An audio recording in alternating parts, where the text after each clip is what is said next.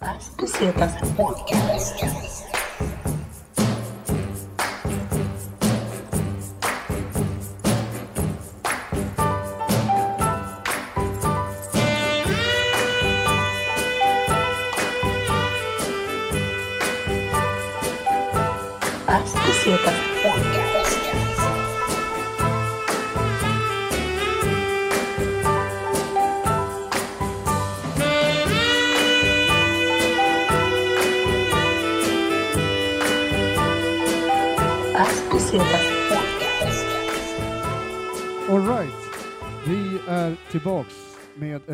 Avsnitt av eh, podden som vi kallar för Pass och Besetas podcast. Yes. Agge är här Mhm. och Robin är här. Och gästen, dagen till ära, eh, äntligen, eh, ska vi säga, för vi har snackat om det här ett, ett ganska bra tag att göra den här eh, podden. Vi Ja. ville bara låta dig liksom åka ut på en resa och sen komma Exakt. tillbaka. Eh, Korrespondent. Resan gjordes för podden. Precis. Och det är ingen annan än uh, Skuldberget, a.k.a. Uh, Eli. Yes, tack så mycket för att jag får komma hit. Fett kul att ha dig i Passo Pesetas podcast. Eh, du, eh, vi känner varandra på massa olika sätt vi har gemensamma bekanta och så vidare. Men jag Mm. tänkte att du ska liksom få, om, när liksom, eh, du är väl främst Skuldberget kan jag tänka mig. Liksom, vad är Skuldberget för något? Eh, Skuldberget är väl mitt eh, rap-alias. Ehm, så, eh, som kom till för en mängd år sedan när jag och en snubbe beslöt oss för att vi skulle göra lite musik. Sen så, så vi var en duo först, sen så flyttade han tillbaka till eh, Lidköping. Ja, Lidköping. Och eh, då så ville han fokusera mer på punk och musik och familjelivet, så då blev jag själv. Men gillade namnet Skuldberget så jävla mycket, så jag, jag behöll det. Så att Skuldberget är mitt rap-alias. Ja. Tungt, tungt. Fett. Vad, eh, du har ju liksom, eh, du har börjat släppa en del grejer nu senaste tiden i alla fall. Du har ju ganska jättefärskt släpp har du. Ja, ja jag har varit ganska eh, inaktiv med musiksläppandet egentligen. Jag har skrivit mycket och behållit det för mig själv. Eh, men eh, eh, jag släppte precis en låt för några dagar sedan, någon vecka sedan, med en musikvideo via... Eh, musikvideon är släppt via Gatuslangs Youtube-kanal. Och eh, låten ligger på Spotify, så heter eh, Glödande blick, så det är bara att eh, söka upp den och titta på den. Hell yeah. Eh, In jag, har och- fan, eh, jag, in och leta. jag är nyfiken på, på videon. Det är Ja. en jävligt vacker video, eller miljön Ja, är jävligt fantastisk. Vad, vad kan du berätta om videon, eller hur gick det till liksom, hela inspelnings... Ja, grejen var, eh, jag bara tog en promenad i, eh, för, för tillfället så bor jag i Katrineholm, där det finns mycket natur och skog. Så jag gick en promenad och så såg jag bara det här fältet med, eh, där det är som nyodlade träd som, ja, de är väl kanske ett eller två år gamla, så att säga. de är ganska låga och smala och det ser ut som eh, kanske höga vass typ eller någonting sånt där. Men är det planterat som en så här riktig skogsplantage, att de sätter dem verkligen så här snygga rader och allting? Exakt, så att det, är liksom, jag gick ju, det är snygga rader på rad eh, och jag tyckte att det här var jävligt snyggt. Eh, jag, jag fick en känsla direkt av att om man går här inuti så kan det bli en jävligt snygg känsla, eh, och en fin känsla och en snygg bild. Så att, eh, eh, och den, ligger, den låg typ 10 minuter från där jag bor, det här fältet. Så att då var det bara att eh, hämta morsan så fick hon filma. Vi, Ja men vad tungt. ja. Det är, för det är väldigt så här. eh, det är tacksam, eh, tacksam miljö att vara i. Just det här, det, för, i- när jag såg videon så tänkte jag nog att det var vass, liksom, för du går Exakt. igenom liksom, med så här, eh, det är nästan lite så här, eh, som- en scen ur någon, någon, någon djup Hollywoodfilm eller någonting. Alltså, så att, ja, eh, så att, eh, ja men fet video, glödande, Tack. glödande blick alltså. Yes. Eh, ja, men, och du har släppt eh, hur kommer det sig att du släppte den via, via gatuslang? Men Eh, Shoutout till Pontus, gatuslang. Ja, shoutout till Pontus, tack som fan för, eh, för att jag har fått släppa den och min eh, video som jag släppte i november förra året också, Storkoka Vondo, den är också släppt på via Gatuslangs eh, Youtube-kanal. Och eh, anledningen är ju för att eh, ja, han, är, han är min homeboy, vi är nära vänner, och så jag har kunnat få möjligheten till det för att jag, jag känner honom bra. Så att ja. Och, Men, men eh, han pushar ju också för andra att kunna höra av sig och släppa sina grejer. Så om det är någon som har någon video där ute och så kan ni ju höra av er till han så kanske den kan bli släppt där Mm. också. Vem vet? Sitter ni på några feta bars, Exakt, mailbomba Pontus. exakt.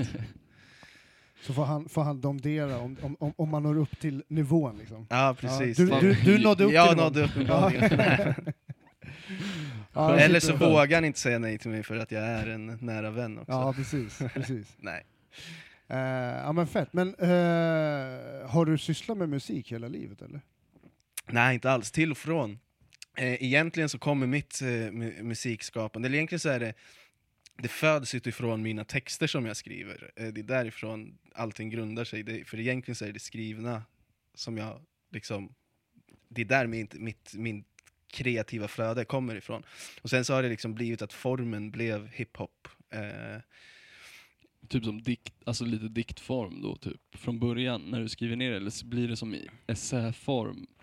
Nej, nej alltså nu så är det ju inrikt, så nu, är det ju, nu skriver jag ju raptexter liksom. Men från början när jag liksom började så det, det, det är via språket som jag har min ingång kan jag säga. Det är inte så att jag har en, eh, jag är musikaliskt jättetalangfull eller har en, liksom musikaliskt gehör på något bra sätt sådär. Så att, eller är en naturligt bra floware, utan det har jag fått träna mig till. Utan det som har kommit är via, det är liksom det språket. Det Via, via lingvistiken? Ja, precis.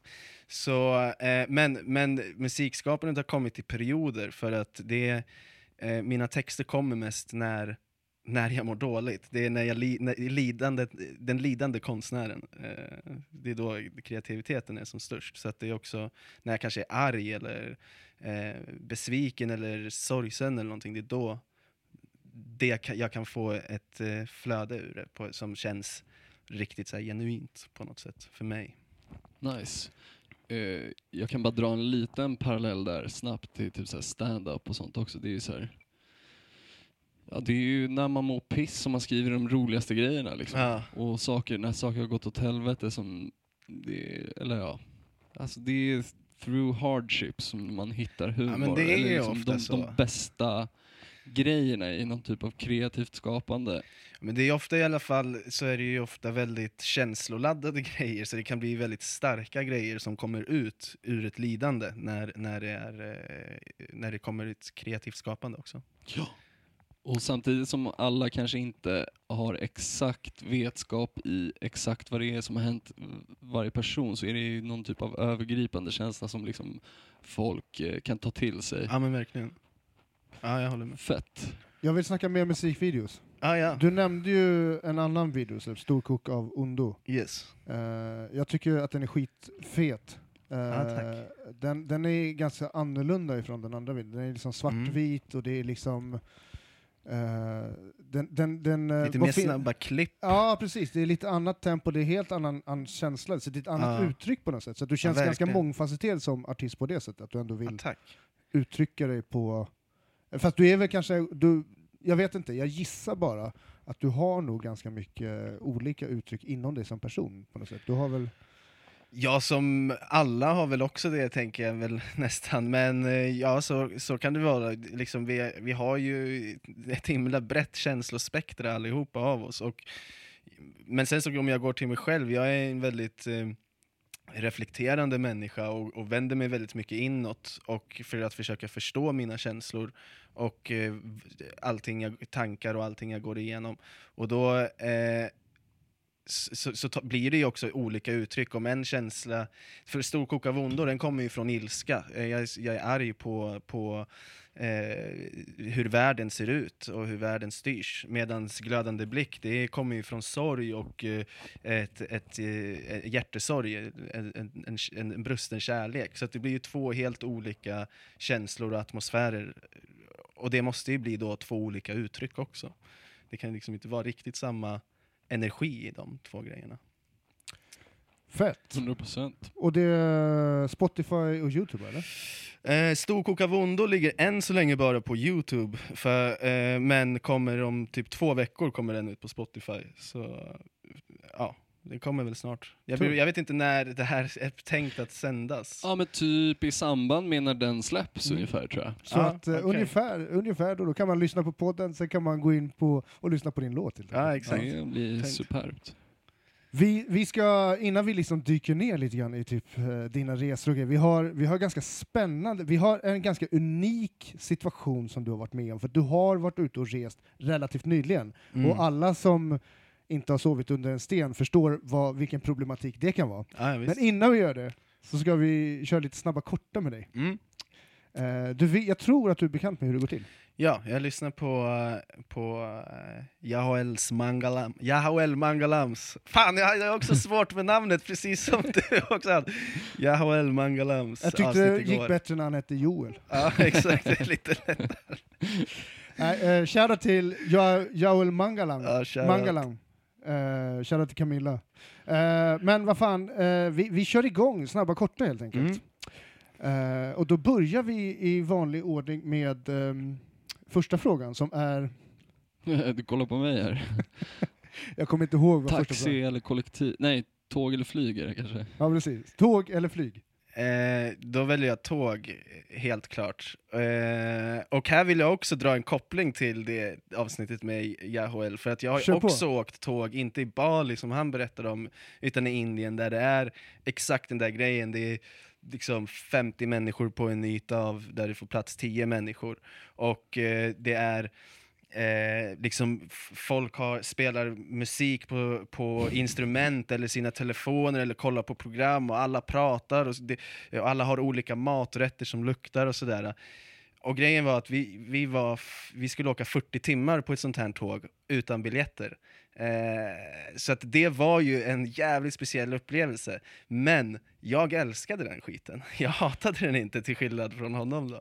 Det, det var liksom bara någon, det var ett så jävla galet äventyr. Så, så det, och det var bara att gilla läget. Eftersom vi inte hade några biljetter så visste vi också att vi kan inte liksom kräva så mycket eller förvänta oss så mycket. Vi hoppas mest på att inte bli upptäckta. Men hur gjorde ni för att inte bli upptäckta då?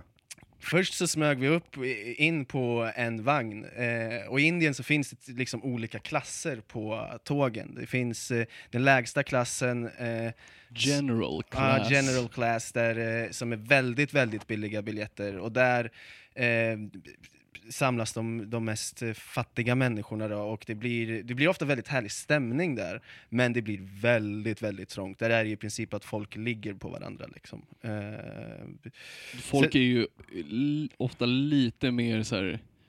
om du står där med en rygga, en vit snubbe så kommer folk dras mot dig mer och bara “Tja, vart kommer du ifrån?” Ja visst, man blir ju en attraktion där, så är Ja. det ju verkligen. Eh, och sen så finns det eh, två eller tre klasser till som alla blir lite bättre. Det blir, eh, det blir fläktar på nästa klass och sen så efter det så blir det fläktar och luftkonditionering, lite skönare sängar med täcken och sådana där saker. Och man kan få egen kupé också. Eh, men vi, vi, vi hade inga biljetter och eh, vi liksom smög in på en vagn och på första natten, det var 40 timmars tåg som sagt, nonstop, och första natten så lyckades vi alla få en säng i en aircondition vagn, så det var ju Wow. jättebekvämt. Ja, så det var ju nice, så då sov vi där hela natten. Men sen dagen efter, då blev vi påkomna av konduktören, och då skickade de ju ner oss till General Sale.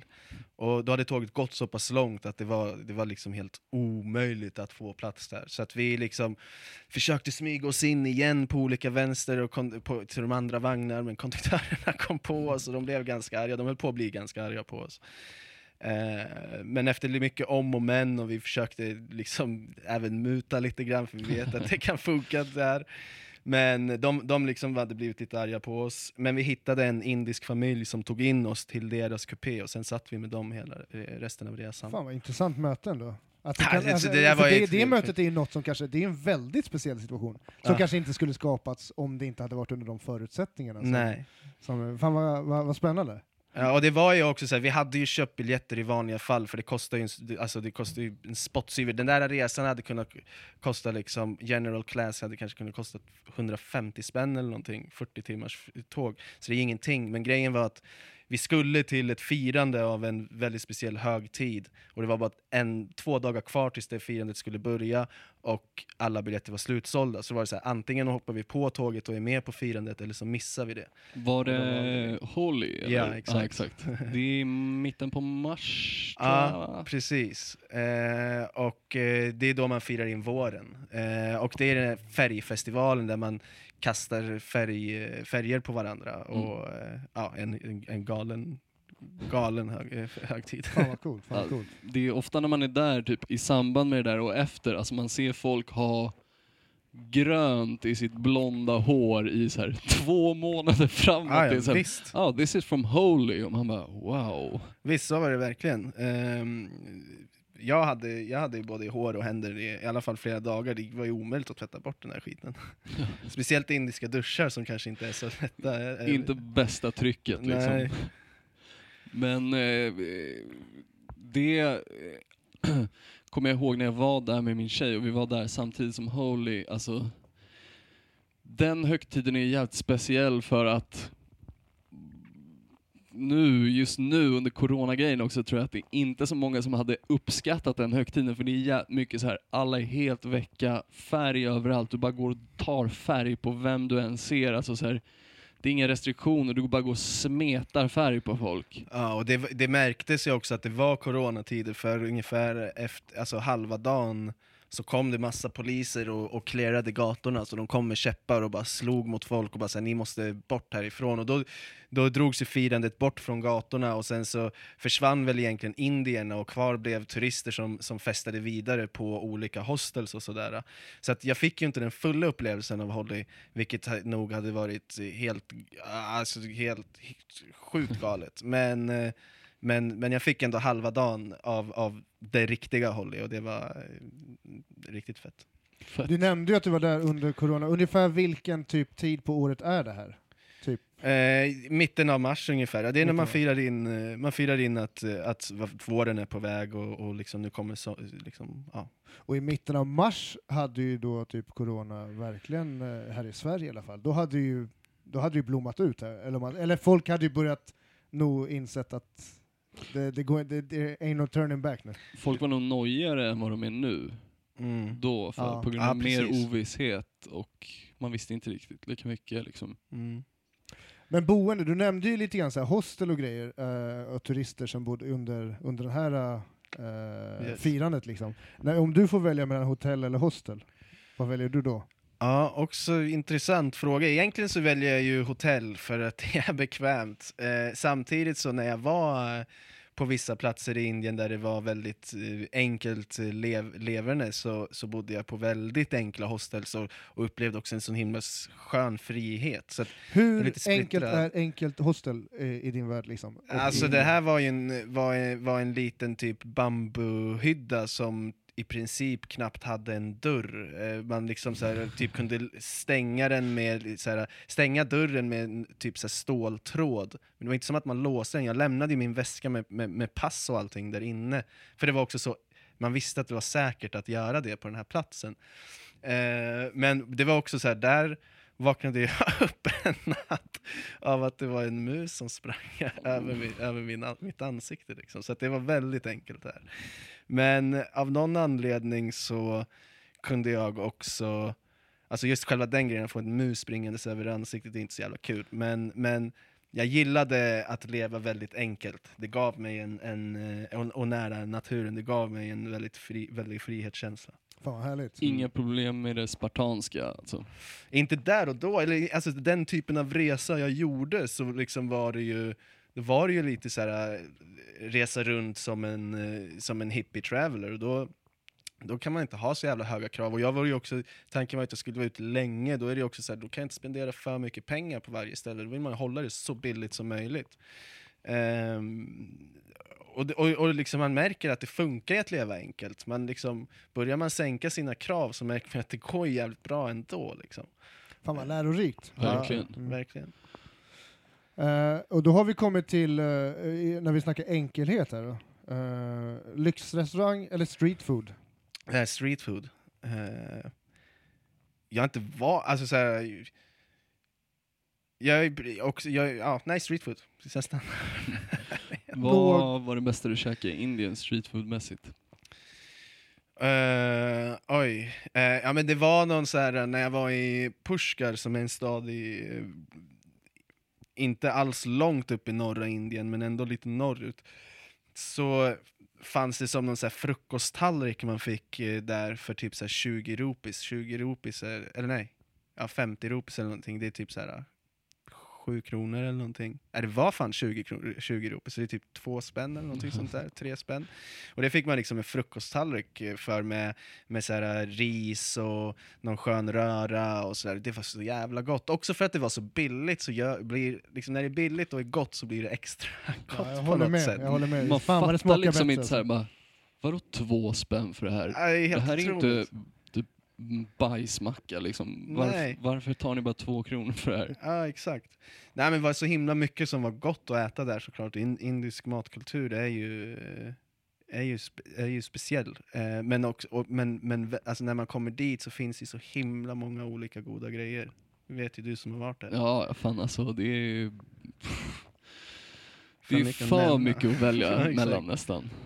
Eh, och sen är det ju fan, alltså det, man tänker inte riktigt på, man tänker på Indien som ett stort land, men sen är det ju också så här, varenda stat du kommer till är ju som sin egna region, med sin Exakt. egna grej, som de är bäst på liksom. Precis.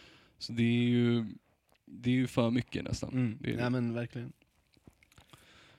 Eh, alkohol eller cannabis? Eh, cannabis väljer jag. Vad... Eh, I Indien, det är inte... Eh, är det mest hasch i Indien eller? Absolut mest Det hasch. som är potent i alla fall är ju haschet. Mm. Ja men Eller absolut. charas som det Alltså, kallas. det är precis.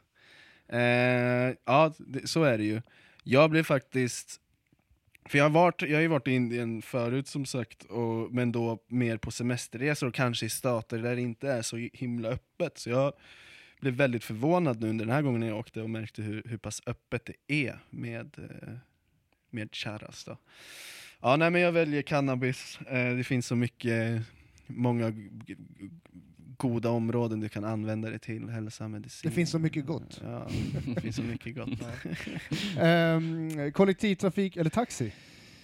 Eh, Eller rickshaw då kanske. Ja, just det. Ja just då det. Ja, då är ju riksha jävligt kul att åka. Fan. Och förklar, för de som inte vet vad det är för något, vad är det då? Ja men det är typ så, det är en sån här liten mini taxi, sök på det på google så får ni se hur de är. Det är typ som så här en liten, de har byggt på liksom, det är som en moppe som de har byggt på något så här säte, eller, eller liten, typ som en liten bur, ja, det, det är ju ingen bur, men en liten taxilåda så det får plats Typ två, en- tre människor att sitta där inuti plus föraren, fast det är en moppe liksom. Det är som en så här, de har bara dragit över någon så här cab Ja exakt. eh, läder över typ bakre delen eller vad man ska säga. Mm.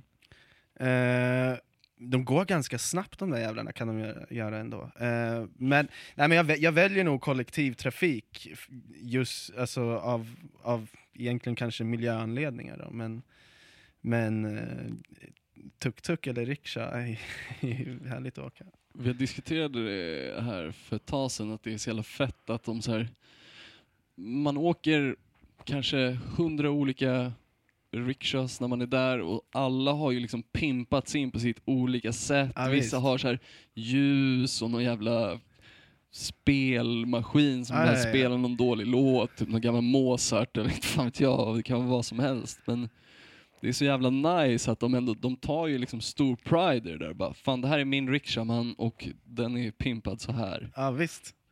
Men det är det som är, ja, det är en av härligheterna med indiska, det indiska folket, att de tar väldigt stor, de har, väldigt, de, de, gör, de har väldigt stor stolthet till sakerna de gör.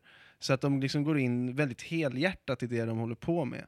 Nästan oavsett vad de gör. Och då blir det så här fantastiska kreationer av, av en enkel riksha. Liksom. Ja, det känns inte som att det är så här, det är ingen där som skäms för att de kör riksha, samt som, som det skulle vara här. De bara, "Ah, jag jobbar på ICA, du vet. Alltså, så här, det är ingen som Fan, tycker, alltså så här, jobbar du på ICA då är det så här, ah, men fuck it, det här är mitt ICA och jag jobbar här och jag, I own it liksom. Ja, nej, men I Indien så är till exempel att ha riksha, det är ett jättebra sätt att försörja sig på. Då har man det ju ganska bra ställt i Indien. Det finns ju många wack, alltså riktigt jobbiga sätt att försörja sig på i Indien.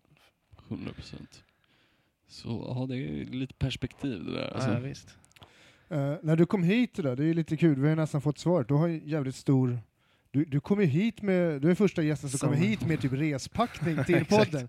Eh, för frågan är alltså ryggsäck eller rullväska? Ja, men det, det kom ju nu efter den här resan. Jag har aldrig gjort en sån här lång resa eh, där man liksom ja, men ska vara iväg i månader i sträck. Och då, då har man ju en, en sån här klassisk ryggsäck på sig som, som man brukar ha när man är ute och fjällvandrar. Och då köpte jag en sån, innan dess har jag alltid haft rullväska och tyckt att det har varit smidigt. Ja, du har haft det alltså? Ja, ja Så visst. Du var förut så var du rullväska? Jag var en rullis förut. All right, Men nu har, jag, nu har jag gått över till det här för Ja. att fuck vilken bra platt, ka- packning du kan göra och, och, och de är gjorda på så bra sätt så att du kan ju bära upp jävligt mycket utan att det tar särskilt för mycket stryk på, på ryggen eller kroppen. Det brukar vara Agge som ger tips. Jag ska ge tips. Jag har ju, jag gillar effektivitet, jag gillar att se snabba resultat och jag gillar att ha med mig mycket saker. Så jag började kolla in massa så tutorials hur man viker saker på bästa sätt. Och, hur man, så här, och jag blev helt besatt av det här. Så jag lyckades liksom få nästan en full ryggsäck att bli till hälften. Och när man är på sådana resor som du har precis har nämnt här, så kan det vara ganska positivt att få ner volymen i väskan. Det måste man ju ha. Det, det, hur, hur packar du liksom Ja, väskan? men jag hade du- packpåsar med mig, eh, som jag la alla mina olika grejer i. Och det var också svinbra, för att alltså, packpåsar, det måste jag, det, de som inte använder packpåsar när ni är ute och reser, gör det, även om ni bara ska åka kort, för att det, alltså, det, det var revolutionerande för Hur min funkar en packning packpåse? Ja, det vill jag nästan också veta, för jag har inte använt det. Nej, det är så här jättetunna små, små påsar som eh, Ja, som du packar dina grejer i helt enkelt. Grejen är att det blir Men är väldigt... det typ som, alltså jag tänker mig som någon typ av så här, lite som etui-aktigt som du kanske har typ, inte fan vet jag, nu drar jag bara upp den här. Men låt oss Mm. säga den här fast i mycket tunnare Ja, och eh, lite olika material. storlekar, men precis. För jag har Eh, en liten så här, jag har en, en, en, en vindjacka som jag köpte, så fick man med en liten påse till med resår. Ja, Där man kunde stoppa ner jackan i den så blev det som en liten... ehm, eh, ja, En liten eh, boll typ Ja, bara. typ.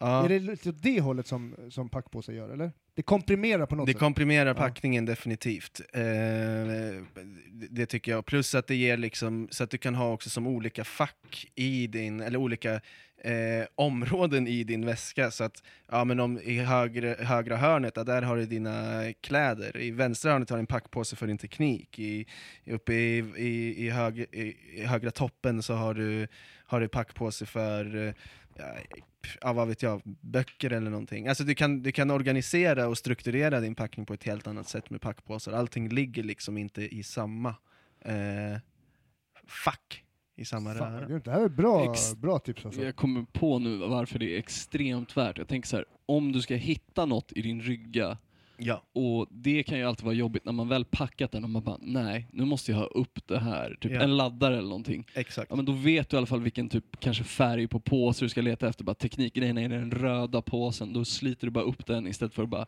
tömma hela väskan igen och sen bara trycka ner allt. Så. Fan vad många gånger jag har gjort det. Ja, ju- Tömt du, hela jag väskan, med, alltså alltså, jag blir- Fy fan vad Jag arg typ det gör hatar mig också. själv varenda gång jag gör det alltså.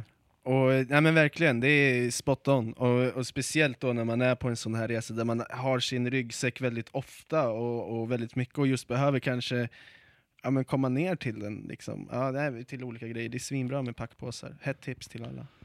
Eh, och sen har vi då den här, eh, det här kan bli intressant, för du känns som en människa som kanske både uttrycker på båda sätten här, men typ adrenalin eller relax, liksom. alltså Ja, fart, action eller chill.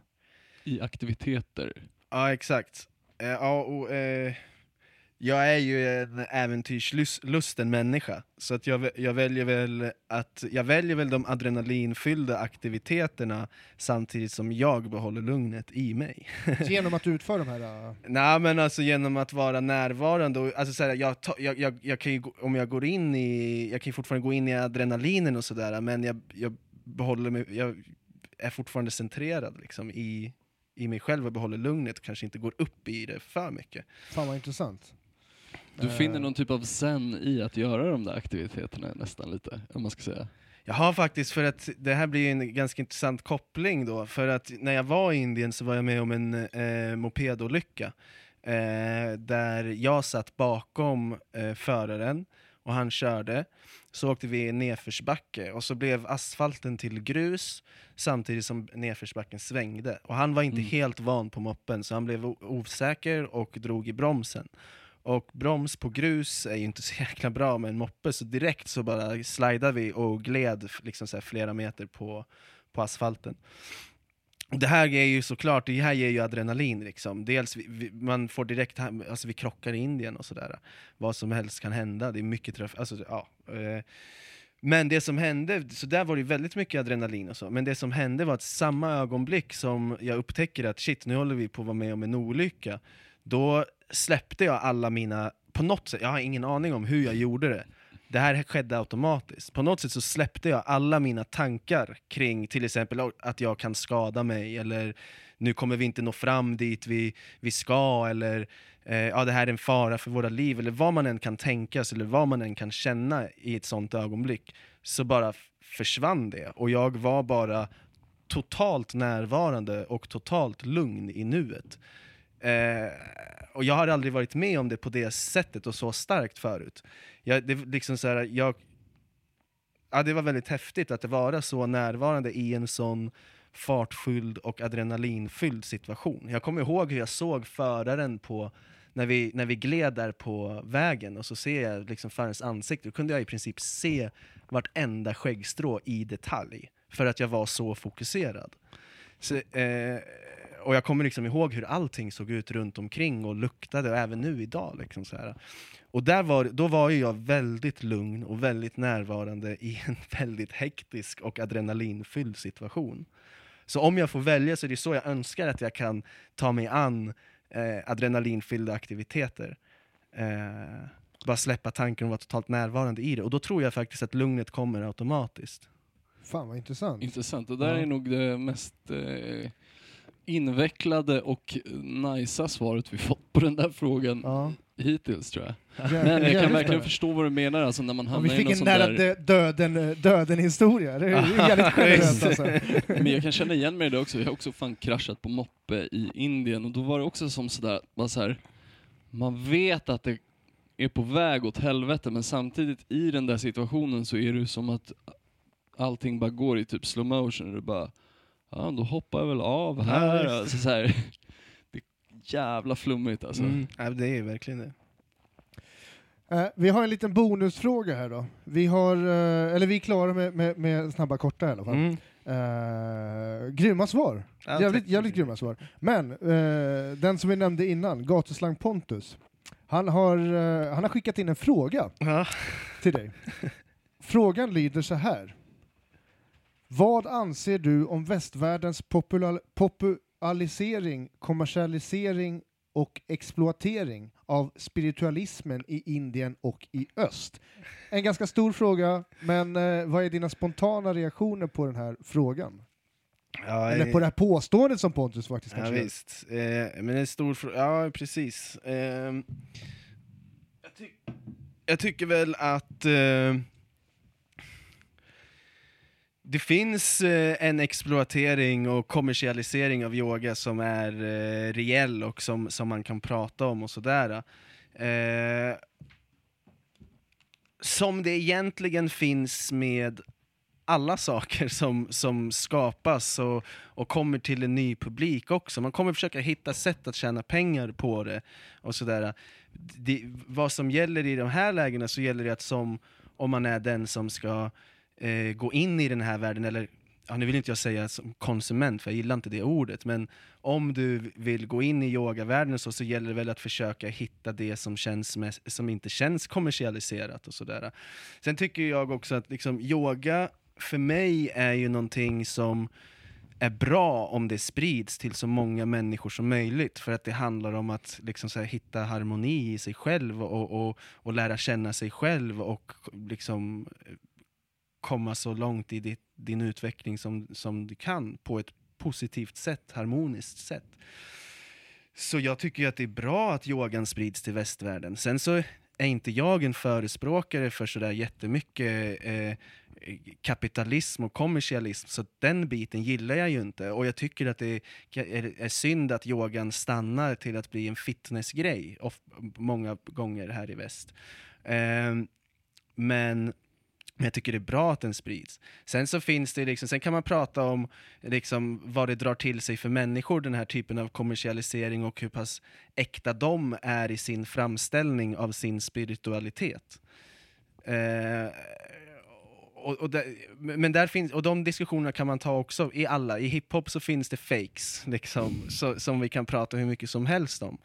Eh, men någonstans så jag, alltså någonstans så tycker jag att vi ska försöka tillåta yoga och spiritualitet att få växa på det sättet som den gör för att det är det sättet som den växer på. Alltså jag vet inte.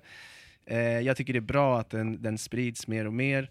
Så för mig så gör det inte någonting att, att, att att det blir stort. Jag, jag ser liksom så här, nedsidorna av att någonting blir stort är att det kommer komma in aktörer som vill liksom hitta sätt att tjäna pengar på det. Eller Så som är bara det kanske är överallt. oseriösa överlag. Som är, och så är det överallt. Men, men liksom, då kan man ju välja, ska det vara då på en så att bara en liten skara människor vet om det och, och, och gör det, och då är det totalt äkta? Eller är det bra att det blir globalt? Eh, jag tycker att det är bra att det blir globalt. Jag eh, förstår vad du säger och jag kan ändå också köpa att så här, fan, jag tror inte att personen, eller en av de som grundade någon eh, förgrening av yoga hade ju inte velat så här, de, deras vision var väl antagligen, jag vill att det här ska spridas till så många som möjligt. Inte hålla det här som någon hemlig jävla grej, för det är som så här, ja men det är för människors välmående och hälsa liksom. Ah. Så jag tror aldrig det har liksom varit, det har nog aldrig varit någons tanke, så då känns det också lite skevt att så här, hålla det real på något sätt. Mm. Alltså så här, det blir ju så jävla svårt. Vem är den personen som ska vara liksom den som bestämmer det då?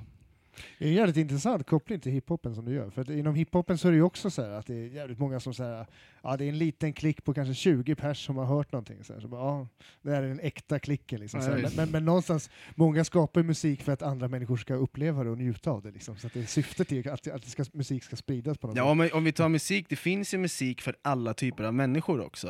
Eh, det, att, och det måste få göra det.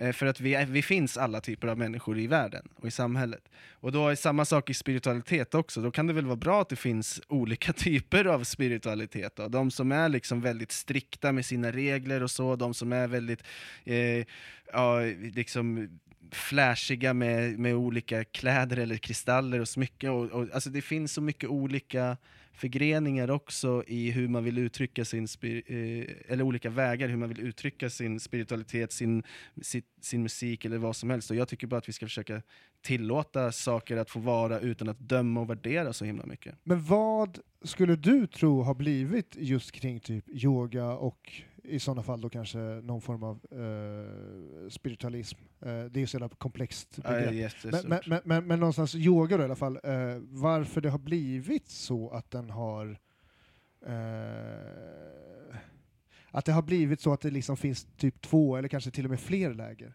Vad, vad är det som har skapat det? För någonstans grundideologin känns som med yoga, som du var inne på också innan, att det är, så här, det är ju min att det kanske ska spridas och fler ska upptäcka det åtminstone. Ja, men här är det ju också, det, yoga betyder ju förening, att man ska liksom uppnå förening av kroppen, själen och sinnet och sådär, vad man vill säga. Att det ska liksom gå i linje och bli ett, från att liksom kanske var separerade från början. Och precis som att det finns, vi, fin, det, liksom, vi är olika människor, så vi svarar också an olika sätt på olika vägar.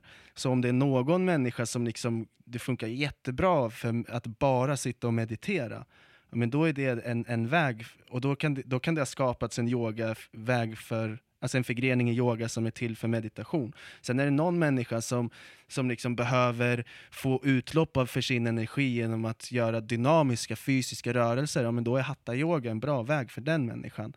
Sen så finns det någon som liksom kanske eh, mår bra av att ge eh, service till andra och då är karma-yoga där man handlar och hela tiden eh, eh handlar med osjälviskt med en osjälviskhet, då är det en väg att gå. Så att det liksom har väl skapats olika förgreningar i yoga och spiritualism också för att vi är olika människor som svarar an på olika sätt, på olika, oj, på olika metoder. Fan vad intressant. Mm, och sen tror jag också som med allt, alltså när någonting växer och blir större, alltså man ska ju inte lägga det på Alltså du kan ju inte lägga att någon är en fake yogalärare på yoga liksom. Nej. För det, eh, det handlar inte om det. Det är bara någon som har kommit in och sett, ah, det här är poppis. Jag kommer bara försöka tjäna pengar på det här och vara fett oseriös för att folk kommer gå på det. För att det blir som en så jävla... Marknaden blir liksom mättad, folk vet inte vad fan de ska säga. Det finns för mycket yogaställen. Mm. Folk har vill- ingen koll. Jag vill koppla till lite mer populärkultur. Då. Det finns ju jättemycket dokumentärer just nu om, om, Mm. typ, om yoga och om olika yoga... Eh, vad kallar man yogis? Eller vad, säger, vad kallar man ledarna? Gurus. Eh, guru, gurus, Gurus. ja. eh, har du, är det någonting som du har sett? Någonting av någon här Ja, det finns ju den här Netflix-dokumentären om, eh, vad fan heter den? Eh, Dokumentärserien om eh, eh, Osho. Eh, Wild Wild. Country. Wild Wild Country. Du har sett den eller? Ja, ja, 100 procent. Vad, vad, eh, vad tänker du och tycker du om den? Liksom? Jag tycker att den dokumentären är svinfet. Skitintressant, alltså vilken jävla grej som hände också. Sen så liksom, eh, det är en jätteintressant diskussion, alltså det, här, det finns så mycket man kan prata om just den dokumentären, och om man vill prata om liksom spiritualism och, och, spiritualitet och sådär. Eh, jag, vill liksom, jag, jag kanske inte ska gå i, vi kanske, alltså jag vet inte hur mycket vi ska analysera, jag kan, jag kan verkligen gå, gå loss på den dokumentären. Jag vet inte hur mycket jag ska göra, för det kanske finns någon som vill se den också. Ja. Den är superintressant för, för att den, det, det, det finns så mycket att hämta ur den där. Dels liksom så här, är den här gurun äkta i det han säger, i hans läror? Eh, de, det motståndet som den här gruppen av människor möter? Eh, finns jättemycket att kunna ta ställning till. Och, eller har han kanske blivit, är han äkta, eh, eller har han bli, på något sätt blivit manipulerad av sina medar, alltså de som jobbar under honom? För jag tycker dokumentären, utan att vi avslöjar för mycket, jag tycker att dokumentären i sig knyter an lite grann till det här ämnet vi var inne på. Det här kommersialiseringen Visst. och liksom någonstans Definitivt. så. Man är, man är oklar i autenticiteten i det liksom på något sätt. Ja, men okej, det, vi kan ju gå igenom lite gott, det, eh, kort. Det handlar ju om någon, en, en indisk guru som, som fick en stor eh, grupp anhängare.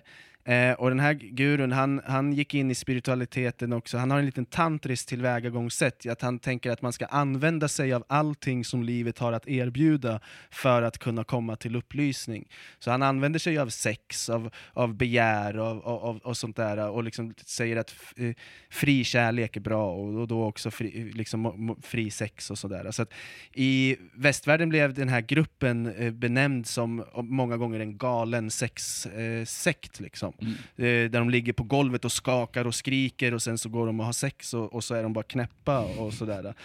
Och jag kan förstå den synpunkten.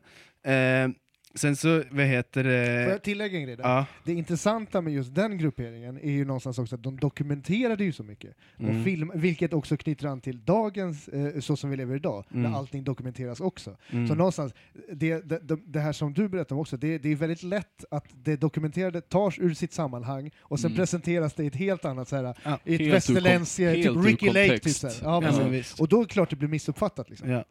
En sak som man alltså, så här, pratar om att en, av de, en stor utmaning för en guru till exempel, som till exempel får massa anhängare och blir stor, det är också att kunna förhålla sig på sin ödmjuka plats man hade innan. För trots allt, även om det är en guru som har nått väldigt långt, så är det ju också en människa.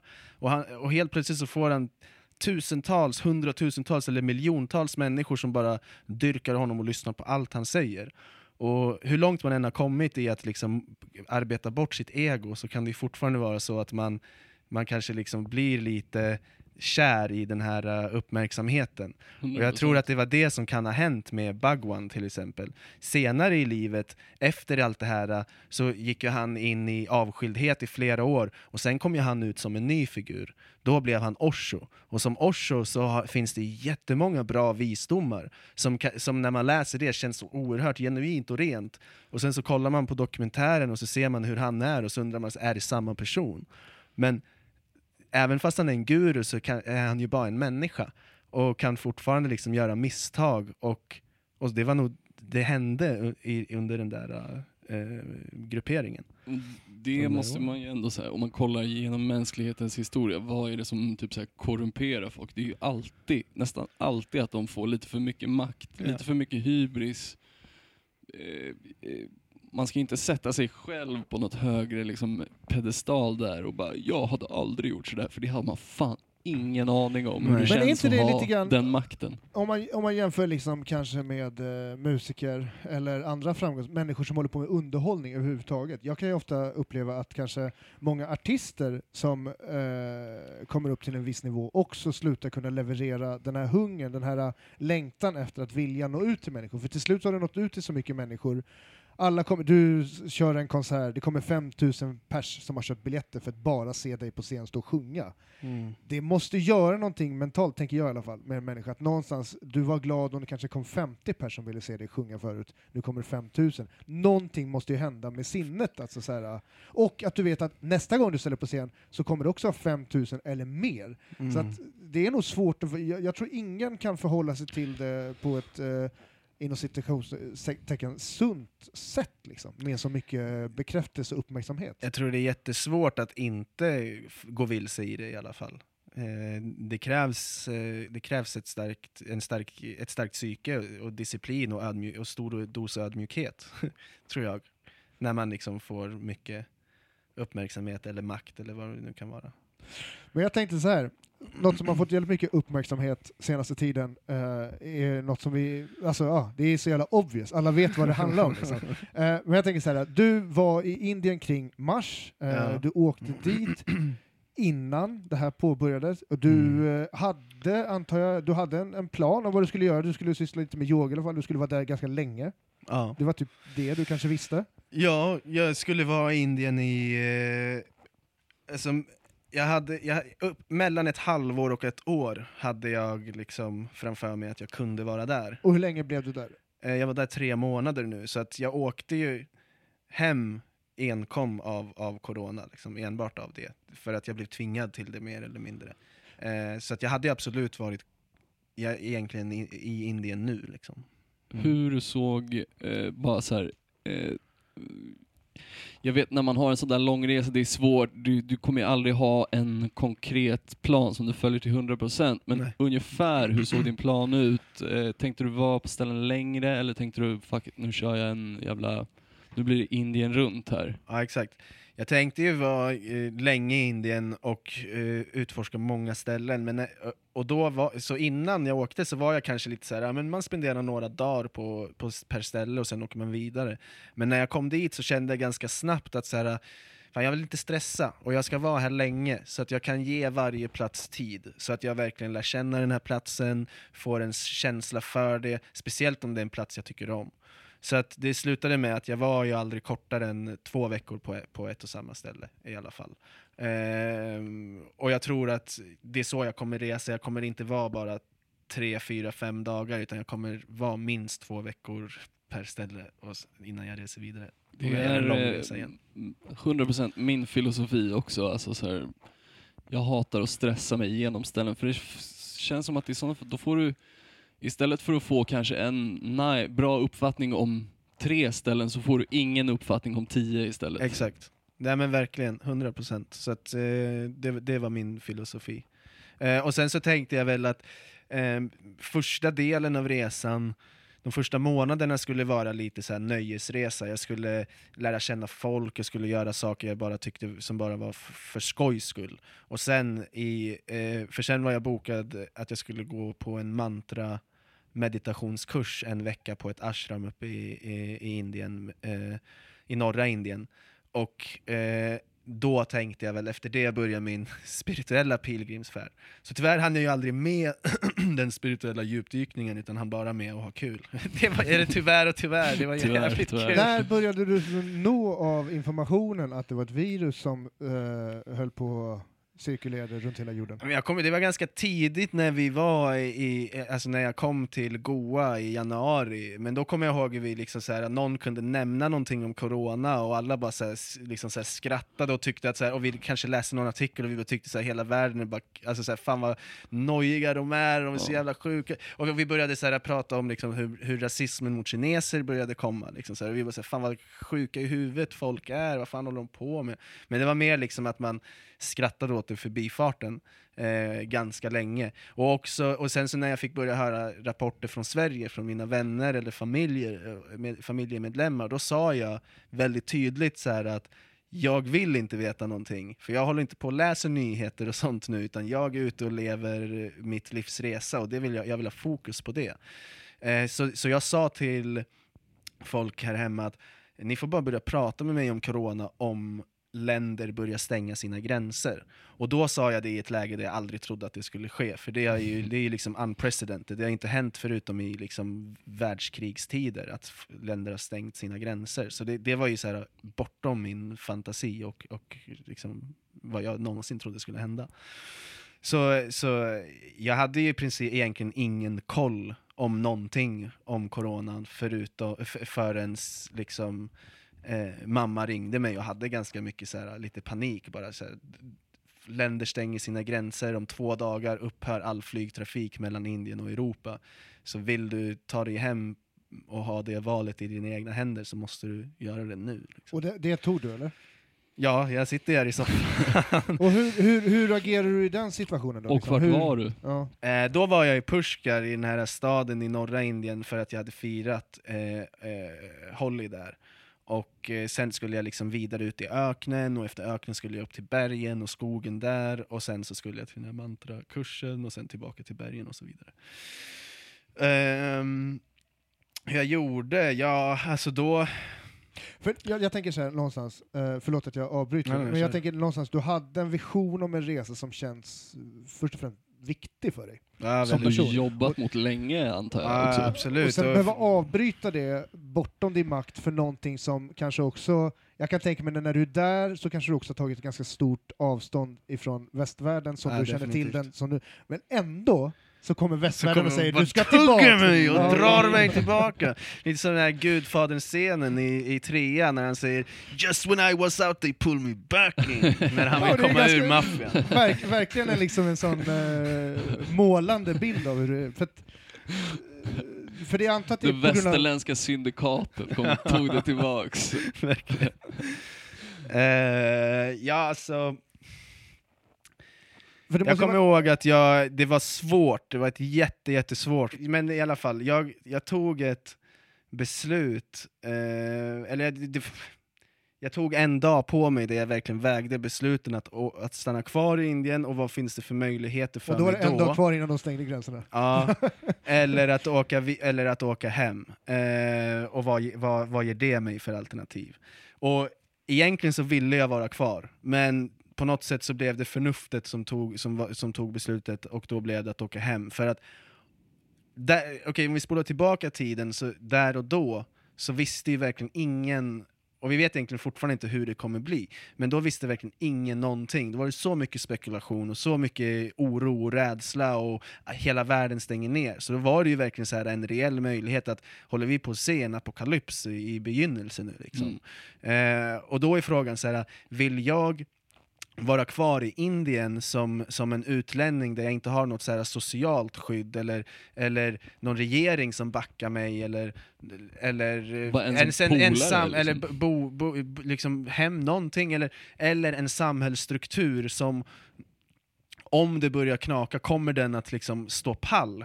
Det är ett otroligt fattigt land och otroligt många människor som bor där Det är redan också äh, skakig skakig, struktur, ja. liksom, så infrastruktur. Så att, I det läget så var det ju så här, om det här blir åt helvete så har ju jag en, en bättre chans i Sverige än i Indien, liksom, bättre tillvaro för mig. Och då har jag ju liksom så här familj och, och, och vänner. Så, så, och då blev det därför. Men hade jag liksom så här eh, hade, hade man vetat att man kanske hade kunnat komma hem igen ett halvår senare och det, det, det värsta som hade varit att man hade fått sitta i, i karantän i en månad, för nu har ju de suttit 57 dagar i lockdown, liksom, complete lockdown, där de inte får gå ut eller någonting. Men då, om jag hade varit så att jag hade fått en och en halv månad i att sitta still, men sen kunna få fortsätta resa, nu håller de på att öppna upp lite grann i Indien med gröna zoner orangea zoner där man får röra sig lite mer fritt och så. Då hade jag kanske faktiskt valt att stanna kvar, för att jag så gärna ville göra resan uppe i norra Indien också. Och nu har ju jag kompisar som har varit i norra Indien som liksom har jag haft kontakt med och de har ju liksom kunnat smyga ut och ta promenader ute i skogen där det inte finns någon och i bergen och sådär. Då har ju de haft faktiskt jävligt alltså, så här, fin tillvaro och en väldigt stor möjlighet att gå djupare, alltså gå in i sig själva, möta sig själva och nå en stor utveckling i det på en plats som liksom är väldigt så här, äh, vacker och harmonisk på det sättet. Så, så liksom, ja, jag, eh, eh, jag tog i alla fall beslutet att åka hem. Det var mest förnuftet, viljan ville vara kvar. Träffade du, eller snackade du med någon annan som var i ish samma situation? Som valde att stanna, tänker jag. Ja, jo men det, det är många som, det är några stycken som har stannat. Ehm, och eh, liksom, vissa har stannat nere i, i Goa i södra Indien, där har det varit lite jobbigare, dels för att det är så himla varmt, och de har inte kunnat gå ut, så då har de liksom varit instängda 30, i 35-36 grader värme.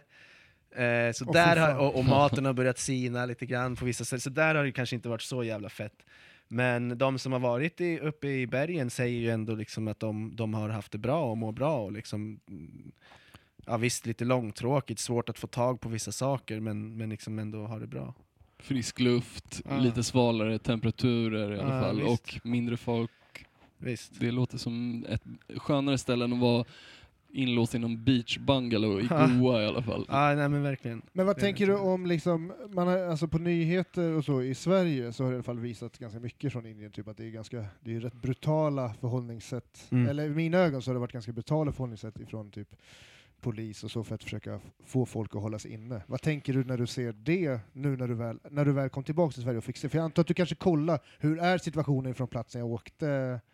Intresset lär väl ändå funnits? Ja, alltså, eh, ja, att se hur det är i Indien nu när jag varit här och så, absolut. och eh, eh, Indierna måste ju vara ganska strikta och hårda när de ska liksom ta ett beslut och sen så eh, att det ska liksom gälla genom hela landet. För att det är en så pass stor befolkning och det är en så pass liksom spretig, om jag säger så, inte liksom kultur eller Det är så. ett perfekt ord tycker jag, spretig, Ja. för att beskriva indier. Ja, så, så liksom, det- det hade ju varit så många som hade totalt struntat i, i orderna om inte liksom polisen hade varit ute på gatorna och sett till att de, att de hålls, liksom, eller reglerna.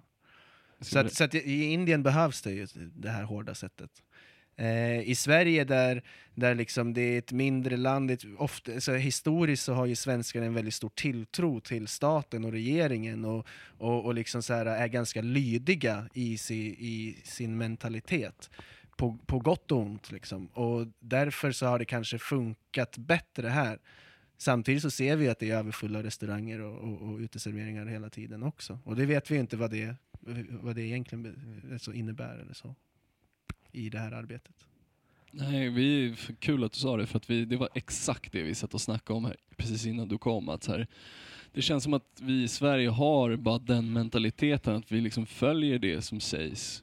Medan där i Indien, då är de så här, ah, fast nu sitter jag här utan ris, så du kan ta dina jävla grejer och köra upp i röven, för jag ska ut och fixa käk, alltså jag skiter i. Ja men där är det ju så, där är det ju livsavgörande för så många familjer att någon kommer ut och jobbar för dagen, för att de får ju mat för den lön de får den dagen. Mm. Alltså, de, de, har ju inte några sparade pengar eller sparad mat eller någonting, utan det är ju pappan eller mamman eller barnen går ut och jobbar den dagen och det de får ihop, det är det de skaffar till mat sen. Liksom. Det är liksom paycheck to paycheck till liksom dess end. Alltså så här, du kan inte leva mer än paycheck to paycheck än så. Nej. Och jag har också sett, det är många, liksom, för det är så många indier som till exempel åker från sin hemort, åker till någon annanstans och jobbar.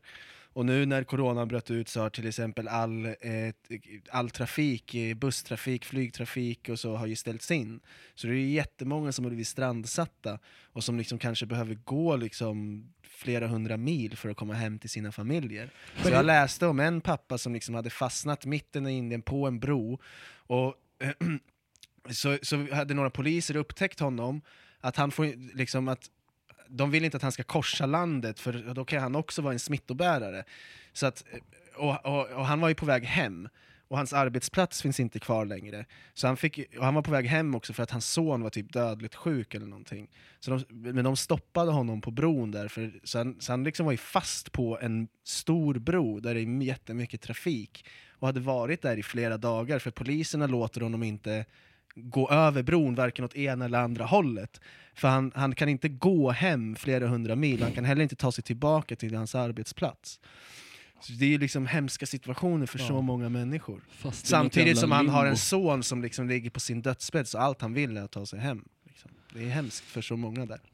Ja, det är riktigt, alltså så här, fast i något jävla limbo på en bro, alltså det är, kan man tänka sig något värre riktigt? Nej. Alltså så här, när du in, vad fan ska man göra? Nej.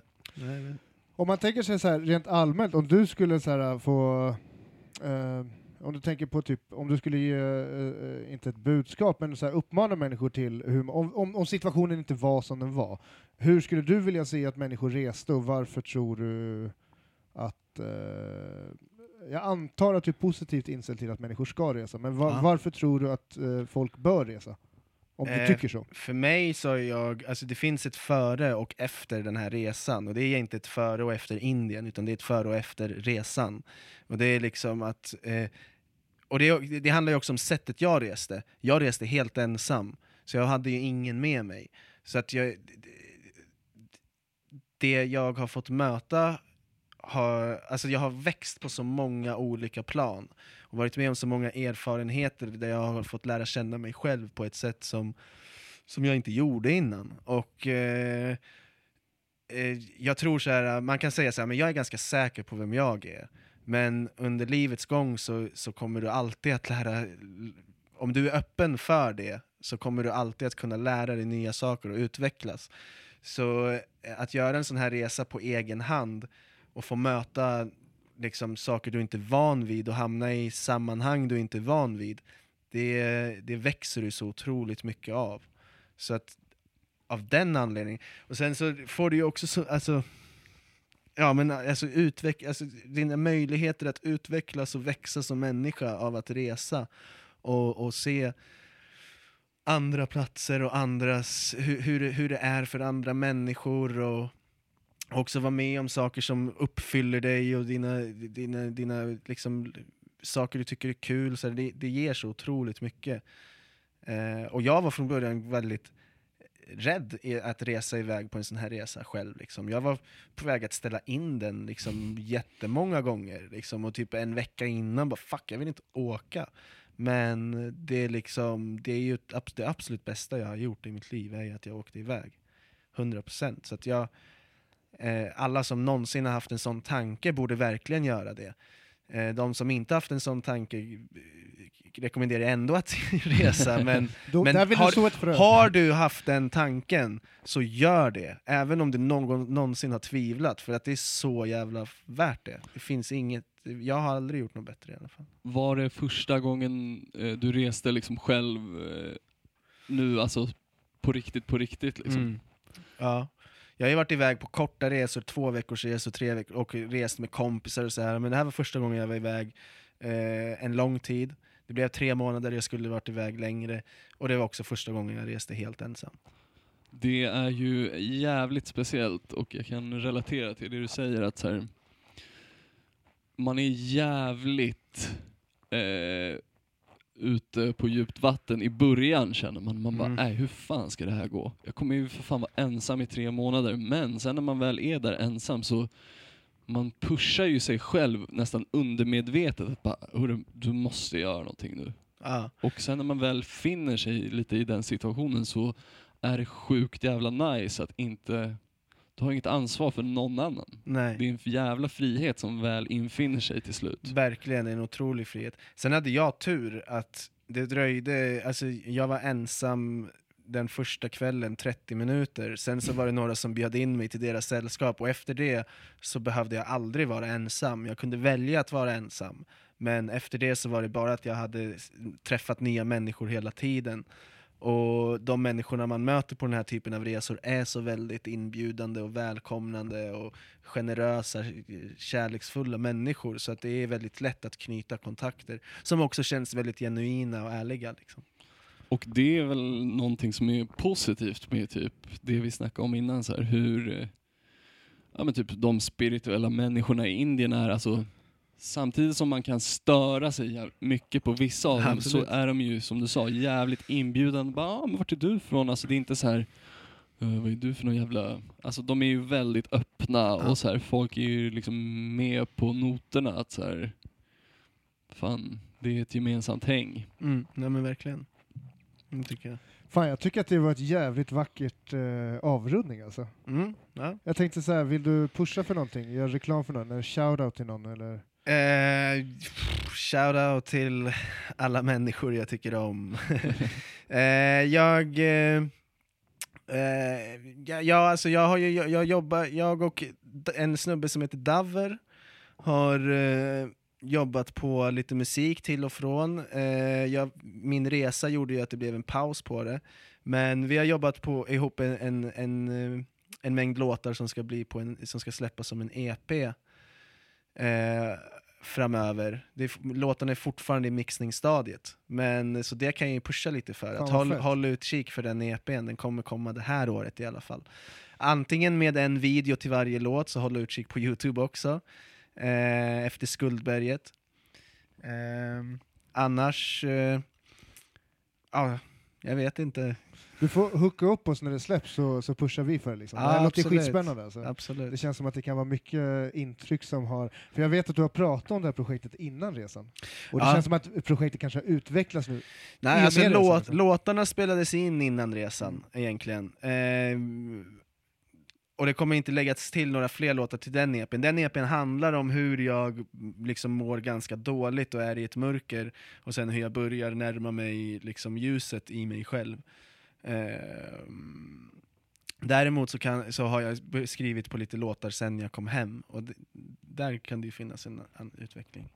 Fan Men det är ett fett. annat projekt, Eh, eller det andra grejer. Bara en sista snabb fråga. Ehm, eftersom du blev avbruten nu, Mm. hur tänker du för framtiden? Är din plan liksom bara fuck it, jag, jag gör ett nytt försök eller kommer du eh, gå någon annan väg eller åka någon annanstans? Eller hur, Ja, jag, har två, jag har två planer. Eh, dels så har jag ju kommit hem och så har eh, eh, reskassan sinat lite grann. Så. Den sinar ju sjukt mycket snabbare här än vad den gör där 100%, tyvärr. 100%. Även fast det inte finns så mycket att göra här nu så går det ändå mycket snabbare här.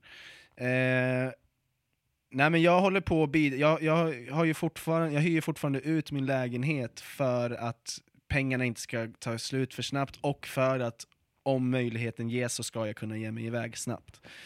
Så jag tänker väl att när, jag, när det känns som det är rätt läge också att att komma till Indien, eh, för att jag kan tänka mig att arbetet där kan ta lite tid, eh, då kommer jag att åka dit. Men jag eh, har också en plan på att kanske ta Sydamerika innan.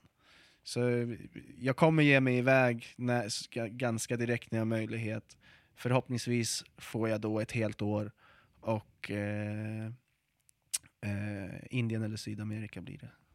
Fan, det är dags att göra... Du får, får komma tillbaka. Jag kommer jättegärna Ja, tillbaka, det fan var sjukt eh, nice samtal. Ja. Ja, Eh, men eh, sjukt fett att du eh, tog dig tid att vara med i podden. För Tack så att, eh, jättemycket. Du är ju som sagt du är ju på resande fot eh, även nu liksom, fortfarande. visst. du har ju liksom inte, du har inte touchdown i, hemma i din lägenhet, du är liksom, Nej, du är resan på G. fortsätter, ja visst. du är resan fortsätter. Det här kanske är en del av hela resan. Ja, ja, men det är lite så jag ser på det. Jag ser det inte som att jag har kommit hem och nu stannar, utan det här är en del av, av resan. Och den anhalten jag är på nu, det är bara, den är bara tillfällig. Liksom.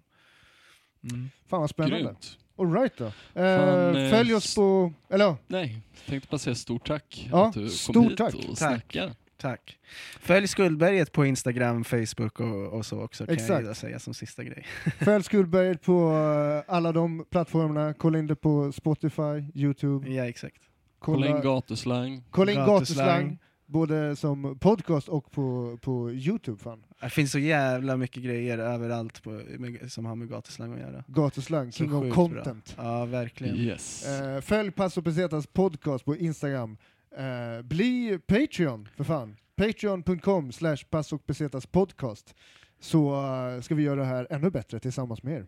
Mhm. Tack för den här gången. Tackar. Vi eh, hörs och syns. Det gör vi. Tja tja! Hej. Hej, hej. Las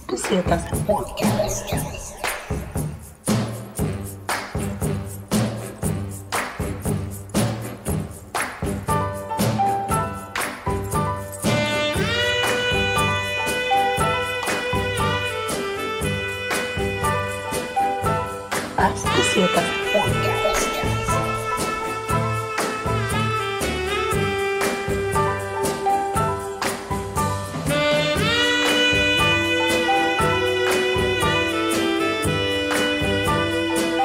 Las Pesetas